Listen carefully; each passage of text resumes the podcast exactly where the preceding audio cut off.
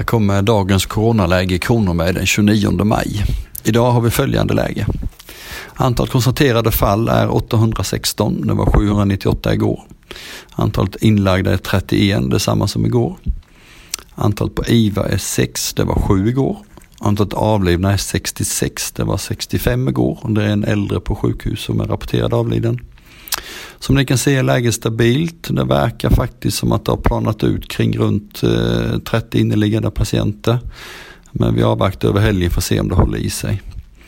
Idag har landets alla 21 regionstyrelseordförande haft videomöte med SKR och socialminister Lena Hallengren. Naturligtvis har vi diskuterat provtagning av prioriteringsgrupper.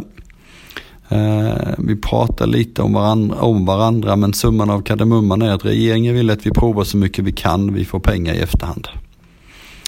Eh, vi är oroliga för hur vi ska hitta personal till att sköta detta. Det närmar sig sommar.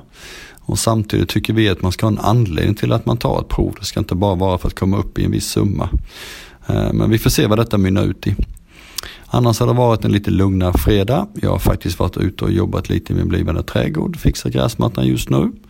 Önskar er en trevlig helg. Glöm inte att hålla i och hålla ut. Det är inte över ännu. Tack för idag.